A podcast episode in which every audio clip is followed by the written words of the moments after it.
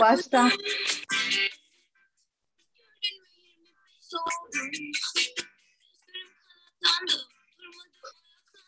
Koşup İyi ki doğdum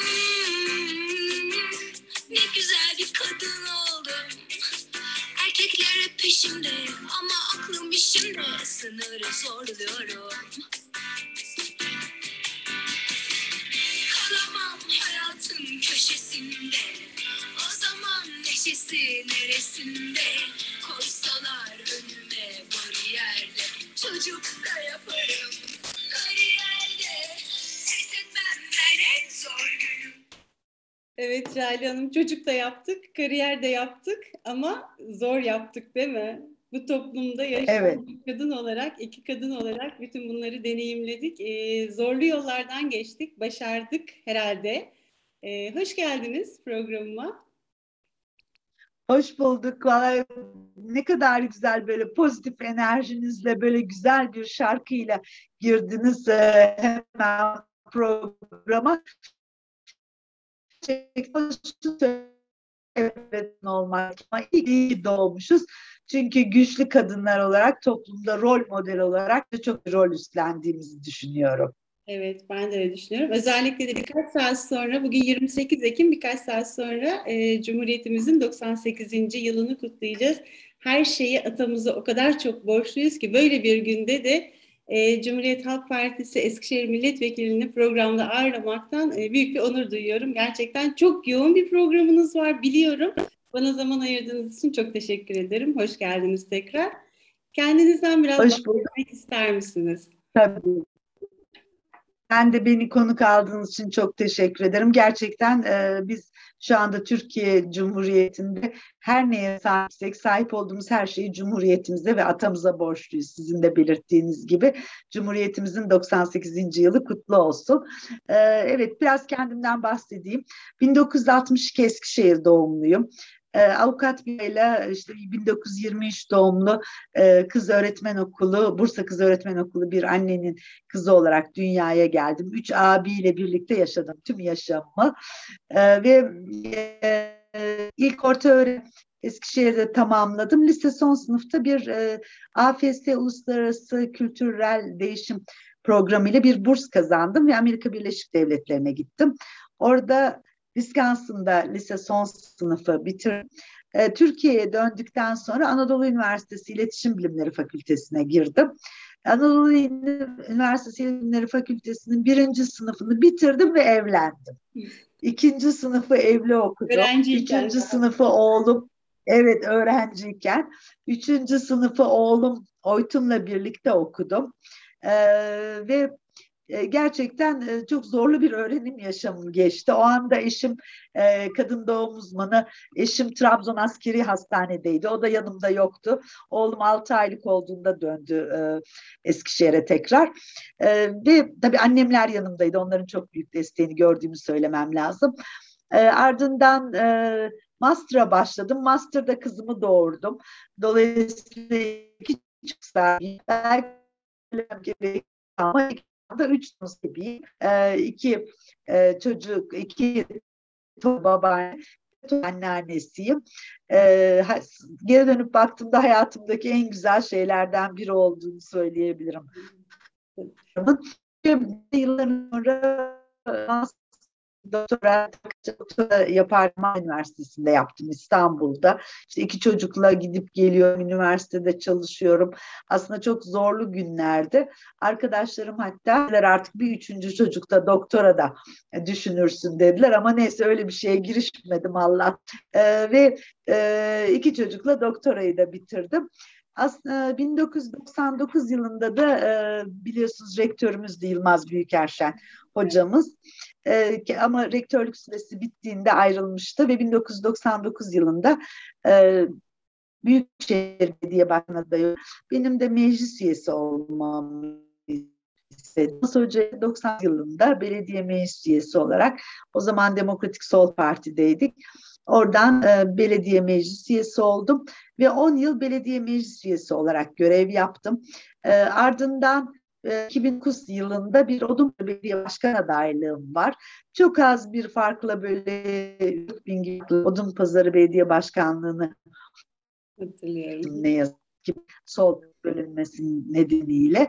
E, o dönem e, belediye başkanlığını kaybedince işte Yılmaz hocamla birlikte çalıştığımız için e, o da istemedi. Yıl e, memuriyeti olduğu için belediyede Sosyal Hizmetler Daire Başkanlığı yaptım. Basın yayın halkla ilişkiler iletişimci olduğum için e, ona vekalet ettim aynı zamanda. İşte o süreçte tabii Eskişehir'le ilgili çok fazla e, proje yaptım. Meclis üyesiyken zaten hem encümen üyeliğim vardı hem iyice sağlık hukuk yönetim e, üyeliklerinde çalıştım.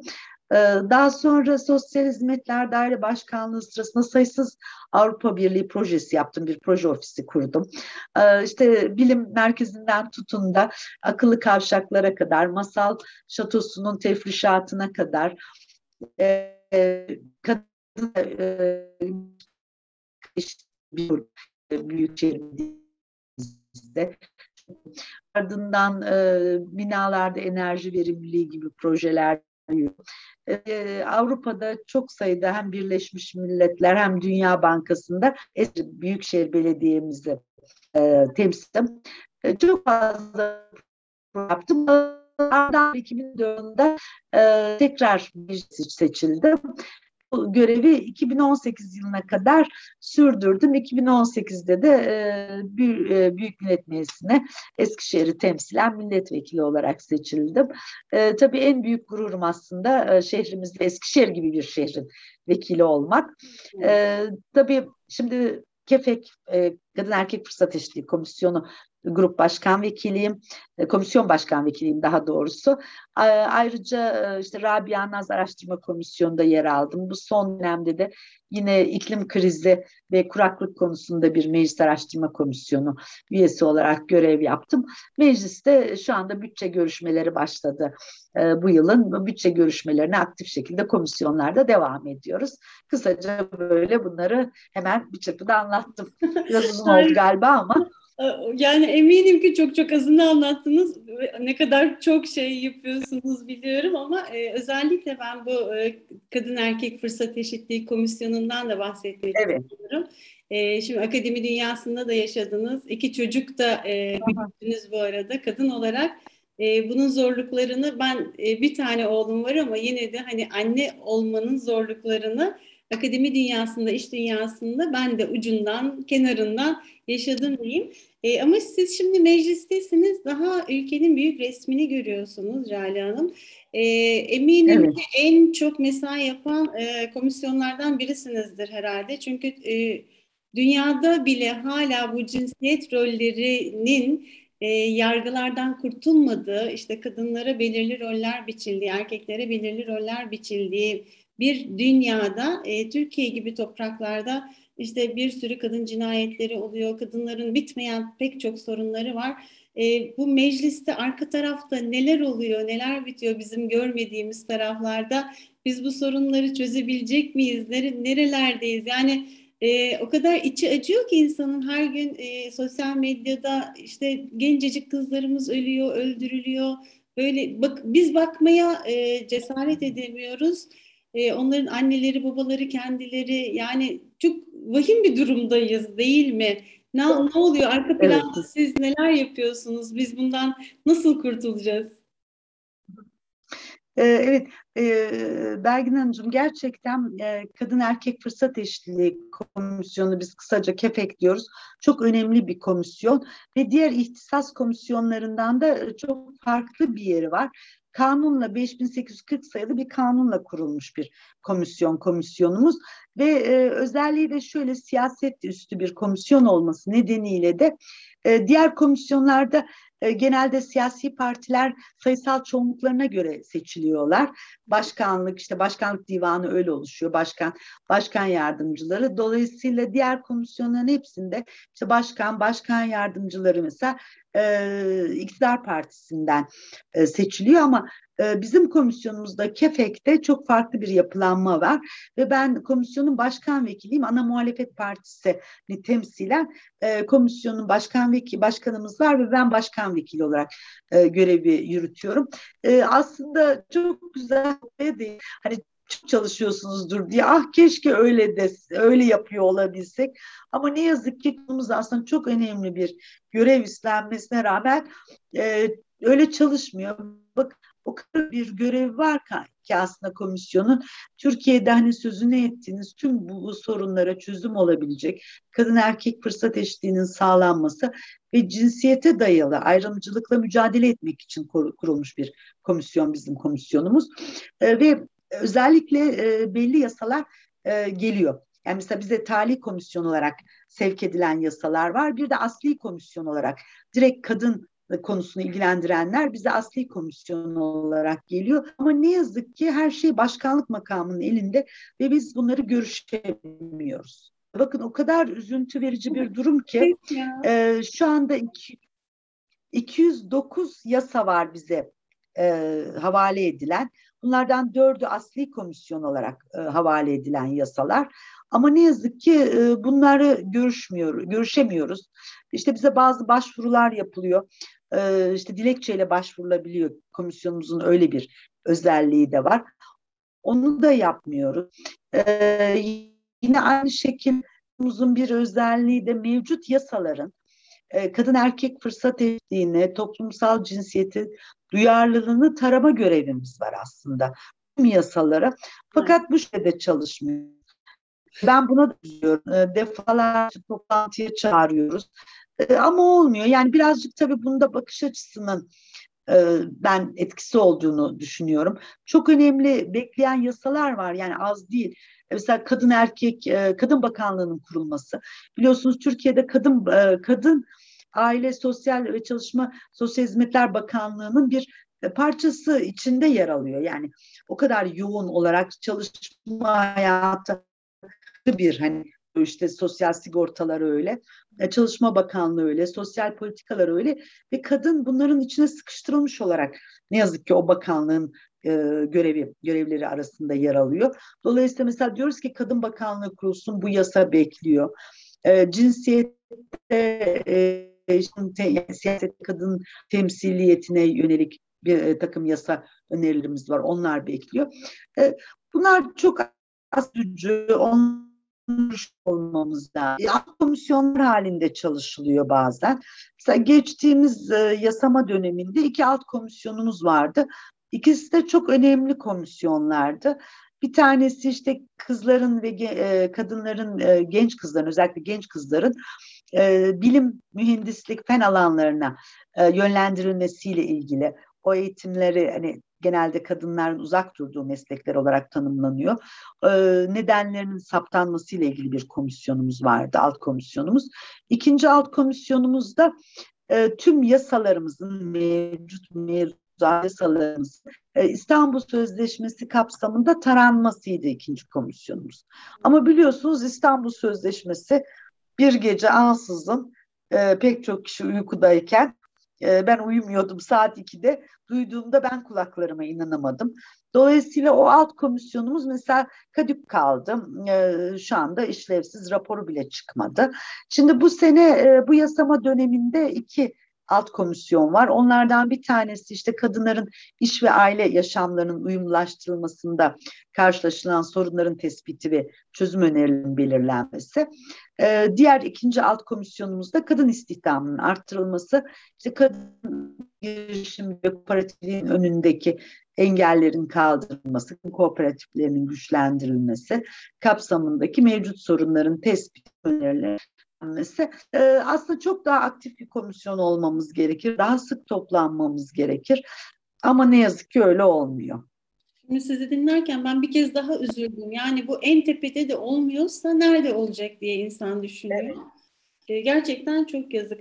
Şimdi Jale Hanım e, ben bir kitap kulübüne de üyeyim. Dün akşam e, Adam Grant'ın Originals e, kitabını tartıştık. Orada da bir bölümde diyordu ki bu işte toplumsal cinsiyet e, yargıları hala tüm dünyada devam ediyor. Yani sadece ülkemize özgü bir sorun değil bu maalesef bir yandan e, ve evet. erkekleri e, daha çok işte iddiacı olma rolü bitirirken kadınlara da toplum yararına e, uygun rolleri sürdürmeleri bekleniyor. İşte belir liderlik rolü mesela erkeklere yakıştırılırken kadınların liderlik rolüne bürünmesi onların e, işte dominant olması, buyurgan olması e, ama negatif şekilde algılanıyor ve bu kadınlar tarafından bile böyle algılanıyor. E, ne kadar yazık değil mi? Kadınlar bile işte aynı toplulukta daha çok konuştuğunu düşündükleri kadını dominant ve negatif bir şekilde algılıyorlar. Kitapta bir dipnotta daha da üzücü bir şey vardı aslında. Kadınlara yapılan cinsel tacizin altında yatan ana nedenin cinsellikle bir ilgisinin olmadığı ama bu cinsiyet rolleri dışında davranan kadınları bir şekilde cezalandırma yöntemi olarak kullanıldı. İşte kendine güvenen, ayakları üzerine duran kadınların daha çok cinsel tacize uğradığına yönelik yine yapılan çalışmalardan bahsediliyordu. E, şimdi size e, sorum bu hani dünyada da böyle ise Türkiye'de e, de böyle olduğunu daha kötü şartlarda da yaşadığımızı biliyoruz biz ama meclisin içinde siz artık seçilmiş hani üst düzeyde ülkeyi temsil eden bir kadınsınız. Siz bunu mecliste de bu sorunları yaşıyor musunuz? Ön planda yaşıyorsunuz, görüyoruz biz televizyonlardan ama arka planlarda da yaşanıyor mu? Arka taraflarda neler oluyor, bitiyor? Sizde de yine mesela bir komisyonda konuşurken kadınsanız farklı algılanıyor mu? Ee, ya o şekilde tabii söylemememiz gerekiyor. Yani öyle hani meclisin için öyle bir algı ama kadınların daha uysal hani e, daha işte söz dinleyen olması e, toplumlarda hani e, özellikle erkek egemen toplumlarda kabul gören, hoş görülen ama tam tersi davranışları ise hoş görülmeyen yani bunları hepimiz yaşıyoruz zaman zaman. Aslında yani çok acı işte bizim tam da toplumsal cinsiyet dediğimiz olay bu. Aslında yani doğduğumuzda düşünürseniz tek farklılığımız biyolojik ve fizyolojik farklılıklarımız erkeklerle ama e, gelişen işte yaşam koşullarıyla e, eğitim süreçleri aile içinde başlıyor. Sokakta e, ondan sonra eğitim sürecinde, iş yaşamında, işte parlamentodaysanız parlamentoda ölünceye kadar aslında toplumsal cinsiyet rollerini yani toplum belirliyor sizi kadın olarak e, ne rol üstleneceğinizi, erkek olarak ne rol üstleneceğinizi tamamen toplum belirliyor. E, işte bunun için zaten hani e, normalde biz toplumsal cinsiyet eşitliği ya da işte toplumsal cinsiyet rolleri diye e, belirliyor. Çünkü bunlar öğrenilen roller. Söylediğiniz gibi ya öğreniyoruz biz bunları. İşte çocuk yapıyoruz öğrenmeye. İşte kızlar öyle oturmaz. İşte sen kızsın hani sofraya yardım et. Sen erkeksin. İşte e, yolda giderken e, ya erkek gibi yürü işte böyle hani e, böyle süklüm püklüm yürüme. İşte okulda kavga ettiğinde erkek çocuk diyoruz ki işte bir tane de sen patlatamadın mı ne biçim erkeksin sen. Yani biz şekillendiriyoruz aslında kadın ve erkeği. E, Dolayısıyla hani bunu biz öğreniyoruz aslında. Bunlar bizim öğrendiğimiz e, kodlar ve o kodlarla yaşamımızı o kodların e, döngüsü yani kısır döngüsü içinde geçiriyoruz hepimiz. E, tabii bu yani dediğim gibi ben sadece ailede başlayarak işte e, yani ilerleyen yaşlarda devam eden rollerden de kurtulunmuyor ve sonuçta o toplumun yapısını oluşturuyor. Dediğiniz gibi yani e, yabancı ülkelerde hani Avrupa'da olsun Amerika'da olsun bunlar biraz daha farklı öğrenilmiş roller olabilir ama hala çok bir hemen yapı var. Yani bunu böyle tespit etmemiz gerekiyor. Ve sürekli kadını bir aile içine sıkıştırma şey var. Aslında, aslında kadın kendisi bir birey. Sürekli evet. aile içine sıkıştırılmış, hapsedilmiş roller içinde kadını ele aldığımız için öyle oluyor. Yani sanki kadın yani tek başına bağımsız bir kadın birey olabilir tabii ki bir e, annenin babanın evladıdır. Ama sonuçta hiç evlenmemiş, çocuk çocuk sahibi olmamış ya da boşanmış, tek başına yaşayan bir kadın. Yani sonuçta kadın bir birey. Ama biz sürekli kadını işte e, yani evlenmeden önceki yaşamında bir kız evlat, evlendikten sonraki yaşamında da iyi anne, iyi eş rolünde sürekli ele alındığı için toplumda e, tersi durumlarda da tabii hiçbir şekilde hoş görülmeme ile karşı karşıya oluyor. Hani birazcık işte kendi ayağının üzerinde durmaya çalışan kadınlar, biraz daha ekonomik bağımsızlığı olan kadınlar. Ama tabii şöyle bir şey aslında bu ben biraz olayı toplumsal cinsiyet eşitsizliğinden çok demokrasi sorunu olarak da görüyorum.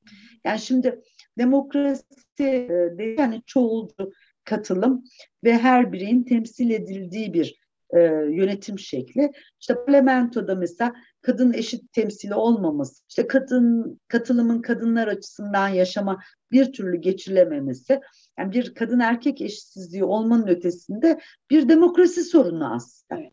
Yani tüm e, demokrasi siyas yani tüm demokrasilerde siyasal tartışmaların odak noktasını oluşturduğu halde işte kadınların eksik temsili konusunda bunu biz göz ardı ediyoruz. Hani her tür görüş temsil edilsin ama bir toplumun yarısını oluşturan kadınlar demokratik temsil içinde olmasın.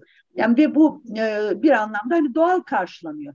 Hani ne işte her aslında günümüzde pek çok alanda işte eğitimde, mesleki seçimde, çalışma koşulları açısından hepsinde daha iyi konumda olsa da kadın siyasal yaşam, yaşam hala kadınlara kapalı bir arena olmaya devam ediyor aslında. E, sadece siyasal yaşam değil Cale Hanım. E, üniversitelerde mesela üst düzey yönetici de bulamıyoruz. Evet. Yani rektör sayısı da çok az. Halbuki akademisyen sayısına baktığınızda yarıya e, yakın bir oran var. Yani kadın ve erkek orada evet. eşit e, sayıda temsil edilmekle beraber işte dekanlık düzeyinde de eh bir derece daha ama rektörlük düzeyine kadar, rektör yardımcılığı düzeyine kadar çıktığımızda o bir hani glass ceiling effect dediğimiz bir cam evet, tavan evet. etkisi de var ya kadınlar da sanırım e, oralara kadar ilerlemeye ya korkuyorlar ya kendileri de Oralarda kendilerini göremiyorlar işte bu toplumsal e, baskılar sebebiyle diyeceğim.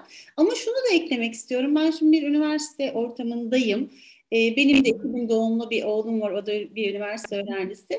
Bu sorunların onların arasında gittikçe azaldığını da görüyorum. Yani artık onlar kadın ya da erkekten çok birey olarak var oluyorlar. O rolleri e, artık işte ne bileyim benim oğlum var çok güzel yemek yapıyor, evinin temizliğini de yapıyor, bütün işlerini kendisi kendi başına yaşadığı için yapıyor. Yani o hani kızlar bunu yapsın, erkekler bunu yapsın ayrımları artık yavaş yavaş bizler de daha bilinçli çocuklar yetiştirerek e, sanki bu arayı biraz daha kapatıyoruz diye düşünüyorum. Siz ne dersiniz? Evet, ya burada tabii eğitimin çok büyük önemi var. Yani buradaki en önemli e, etken eğitim.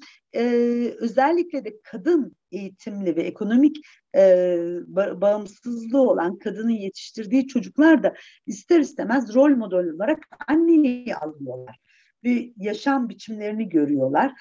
dolayısıyla onların hani hayata bakış açıları, kadın erkek fırsat eşitliğini işte farklı algılamaları, toplumsal cinsiyet rollerine farklı bakmaları kendiliğinden gelişiyor aslında. Yani tamamen aile yapısından kaynaklanıyor. Çünkü ilk eğitimi hani siz eğitimcisiniz benden daha iyi bilirsiniz. Ee, ilk eğitim yani hani hamur gibi olan çocukları biz aslında e, masum doğan çocukları biz şekillendiriyoruz. Ailede şekillendiriyoruz. İşte ardından da şekillenme devam ediyor.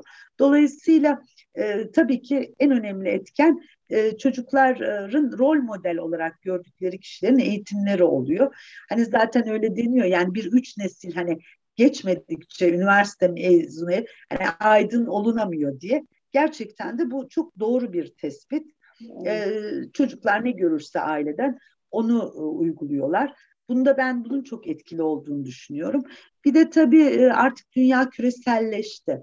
Yani geleneksel toplum yapısı, geleneksel roller e, o kadar da kısıtlı sınırlı kalmıyor. İşte bir tıkla tüm dünyaya ulaşıyorlar. Değişik yaşam biçimlerini görüyorlar. E, değişik e, kültürlerle tanışma olanağı buluyorlar. Evet. İşte şimdi yurt dışına gitmek hani özellikle hani herkes için değil tabii belli ekonomik olanakları olanlar için artık yurt dışına gitmek o kadar da zor değil. Ee, küreselleşen bir dünya var. Yani dolayısıyla hiçbir toplum kendi kapalı yapısı içinde kalmıyor. Dolayısıyla bunun da çok büyük etkisi var. E, ama tabii kadınlar e, yani ne olursa olsun yine de tüm dünyada erkek egemen toplum ataerkil dediğimiz işte bizim toplum düzeninin belli kısıtlamaların dışına çıkamıyorlar. Yani çünkü ne olursa olsun kadının kadına yani bir kere dinlerle başlayan işte din hani ne öğretiyor işte iyi anne iyi eş, iyi Müslüman ya da iyi anne, iyi eş, iyi Hristiyan, iyi anne, iyi eş, iyi e, Musevi. Yani dolayısıyla bu zaten hani dinle gelen yani bir iyi anne, iyi eş ve iyi dindar olma özelliğini her kadın yani hangi toplumda olursa olsun yaşıyor. E, bu rollerin biçimlendirdiği tabii e, kadınlarda işte hepimiz yaşadık yani siz de ben de bütün toplumdaki kadınlar yaşıyor. Yani sonuçta bir ev yaşantısı var. Yemek yapmak sizin sorumluluğunuz olarak görülüyor. Çocuğu yetiştirmek sizin sorumluluğunuz. Evde yaşlı hasta varsa onun bakım sorumluluğu. İşte e, mesela çocuklarını, kadınların en büyük önündeki engellerden bir tanesi çocuklarını yetiştirebileceği kurumlardan yoksunluğu yani çalışma hayatına atılmadaki en büyük engellerden biri o. Ama ben e, aslında bu bunun kadınlara bir artı da kattığını düşünüyorum. Hani bizleri erkekler dinleyince belki kızacaklar bu söylediğim ama kadınlar çok daha organize çalışıyorlar. Çok daha farklı konulara aynı anda odaklanabiliyorlar. Ben evet yani öyle bir öyle bir yeti gelişiyor çünkü. Evet. İşte ne yapıyorsunuz? Belki çocuğu kucağınızda tutarken yemeği karıştırıyorsunuz ya da işte e, işteyken çocuğun kursunu ayarlıyorsunuz. Evdeki kadının çalışmasına e, işte şunları yap diyorsunuz. Eve alınacakların listesini yapıyorsunuz. İster istemez çok yönlü bir art yetişiminiz oluyor. Ama erkekler öyle değil. Evden çıkıyorlar, işe odaklanıyorlar. Dolayısıyla hep böyle tek yönlü bakıyorlar. Daha e, dar pencereden bakıyorlar. Bize hani kadın olarak ben bunu aslında bir olumlu bir özellik kattığını düşünmüşümdür. Çünkü çok fazla çalış hani birlikte çalışma ortamında kadın arkadaşlarımla da çalışıyorum. Yani kadınlarla çalışmak daha farklı oluyor, daha rahat oluyor. E, çünkü erkekler çok sınırlı e, bakış açısıyla bakabiliyorlar. Yani bunu da görüyoruz. E, tabii en önemli sıkıntılardan biri de ekonomik bağımlılık. Yani en önemli şey o. Yani kadın ekonomik bağımsızlığı olduğu sürece, kendi ayakları üzerinde durduğu sürece hani geleneksel toplumsal rollere e, daha farklı bakabiliyor. E, ve sonuçta da tabii onun için korkuyorlar. Yani esas erkeklerin korktuğu şey bu erkek egemen düzenin yıkılması. İşte kadın ne kadar çok ayağı kendi ayağı üzerinde durursa, ne kadar çok iyi eğitimli olursa, ne kadar çok siyasette yer alırsa sonuçta erkekler bu e, egemen düzenlerinin sarsılacağından korkuyorlar. Ve onu hiçbir zaman ellerinden bırakmak istemiyorlar. Pardon o alanını bırakmıyorlar asla. O zaman e, bir an önce e, bu egemenliklerin yıkılmasını dileyelim. Aslında onlar da rahat edecek. Her tür eşitlikte aslında herkes rahat edecek. Dediğiniz gibi bence de biz zor şartlarda bütün kaslarımızı geliştirmek zorunda kaldığımız için daha evet. esnek, daha işte multitasking e, yetenekleri ile e, mecburen donanıyoruz. Peki Jale Hanım, e, sizin şimdi İngilizce e, eğitimiyle ilgileniyorum ben biliyorsunuz. Programda evet. daha çok eğitim ve İngilizce eğitimi konuşuyoruz. Sizin de AFS ile yurt dışına gittiğinizi siz de söylediniz. Ben de biliyordum zaten. Orada da bir İspanyolca öğrenme deneyiminizden bahsetmiştiniz evet. karşılaştığımızda. Ondan burada da programda da bahsetmek ister misiniz? Ve ülkemizde İngilizce hani öğretemiyoruz, öğrenemiyoruz, konuşuyoruz, evet. konuşamıyoruz, anlıyoruz ama konuşamıyoruz söylemlerimiz var ya bizim. Biz e, dışarıdan bakarak e, neyi yanlış yapıyoruz sizce? Orada neler oluyor? Biz burada neleri yapmıyoruz? Evet, e, ya şöyle tabii aslında hani e, ya ben dilin yaşanarak öğren öğrenilebileceğini e, kesinlikle inanıyorum. E, tabii iyi bir eğitim almak, yani mutlaka işte grameriyle öğrenmek, hani e, belli kalıplarını öğrenmek, e, sözcük bilgisine sahip olmak çok önemli tabii ki. Bunlar eğitimle olabiliyor ama pratik yaşayabilir olmanın e, yani yaşamayla, pratik yapmayla ilintili olduğunu düşünüyorum. E, çünkü ne kadar e, kağıt üzerinde öğrenirseniz öğren, öğrenin. Yani çünkü ana dilini nasıl öğreniyoruz? İlk yani doğduğumuzda hiçbir dil bilmiyoruz. Sürekli çevreden duyarak hani bize kimse kalkıp da işte Türkçeyi e, işte böyle çekeceksin bu fiile işte geçmiş dili zamanı böyle kullanacaksın demiyor. Biz yaşayarak öğreniyoruz. E, dolayısıyla yabancı dilde hani belli bir yaşta başlıyor eğitim zorunlu olarak. E, nitekim mesela çok küçük yaşta farklı dillere maruz kalan çocuklar aslında şanslı oluyorlar. Hani duyuyorlar e, onu e, kulaktan ana dil gibi öğrenme eğilimleri oluyor. E, ama tabii her çocuğun böyle bir şansı olamıyor. Dolayısıyla hani ilk olarak şimdi gerçi çok iyi mesela anaokullarında, kreşlerde başlıyor e, yabancı dil eğitimleri. Hani ilkokulda devam ediyor, ortaokul, e, lise ama e, eskiden Anadolu liselerimiz çok daha nitelikliydi ben hani o dönemden biliyorum. Yani şimdi eğitim düzeyi Anadolu liselerinin özellikle mesela benim eşim de Konya Marif Koleji mezunu.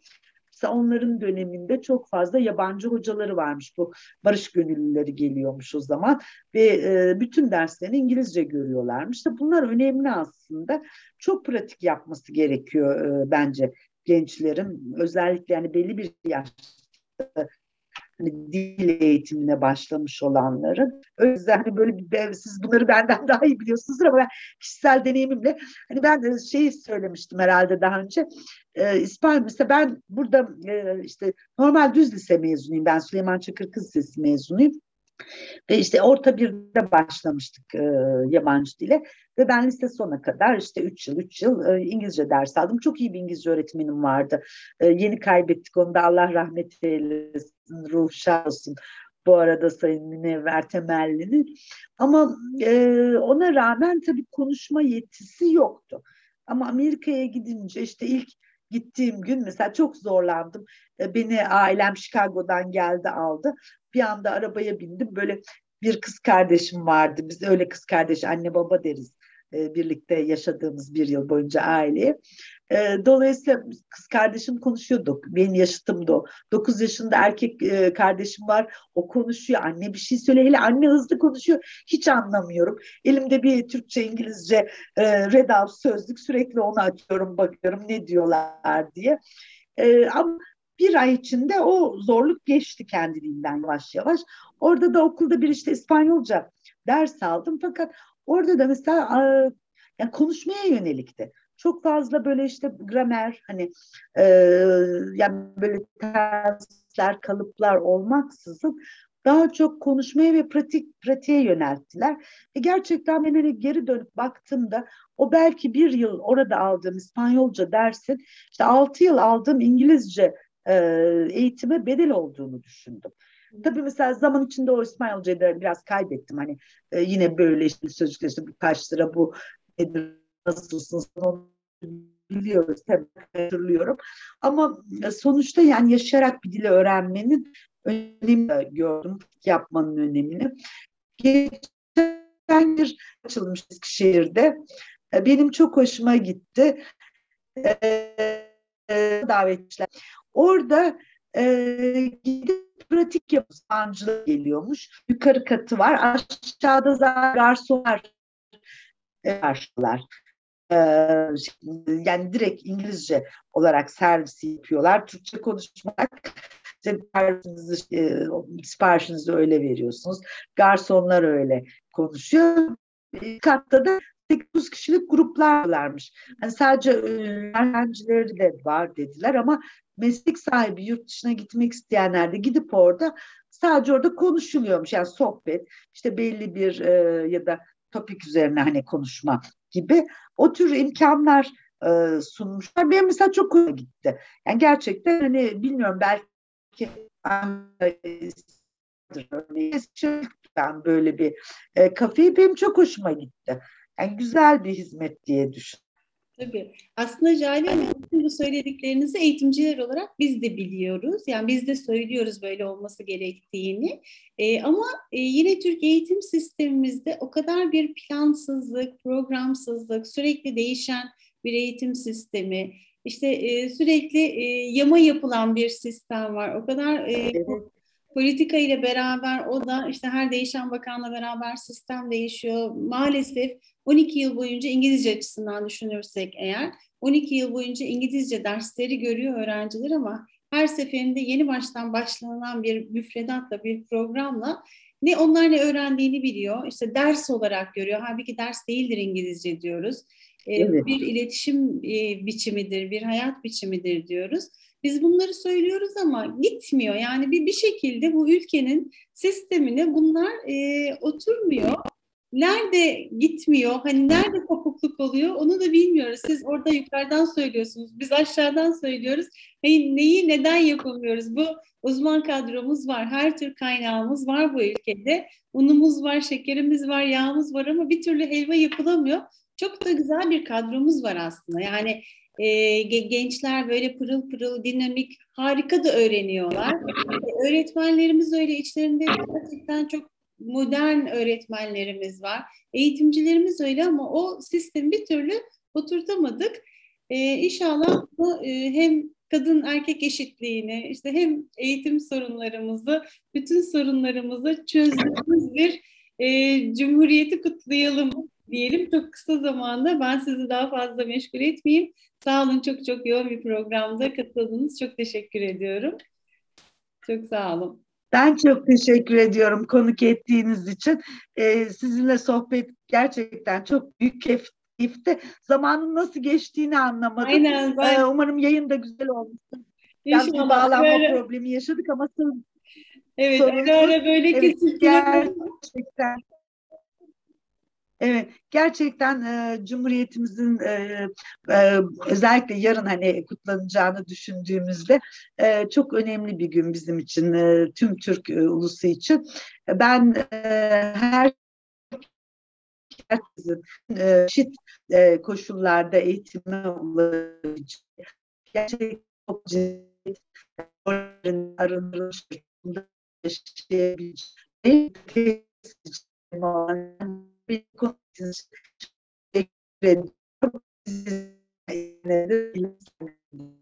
Ben ben çok teşekkür ederim Hanım. Sağ olun. Bu e, gecenin bu vaktinde yoğun programınızda bana zaman ayırdınız. Çok sağ olun.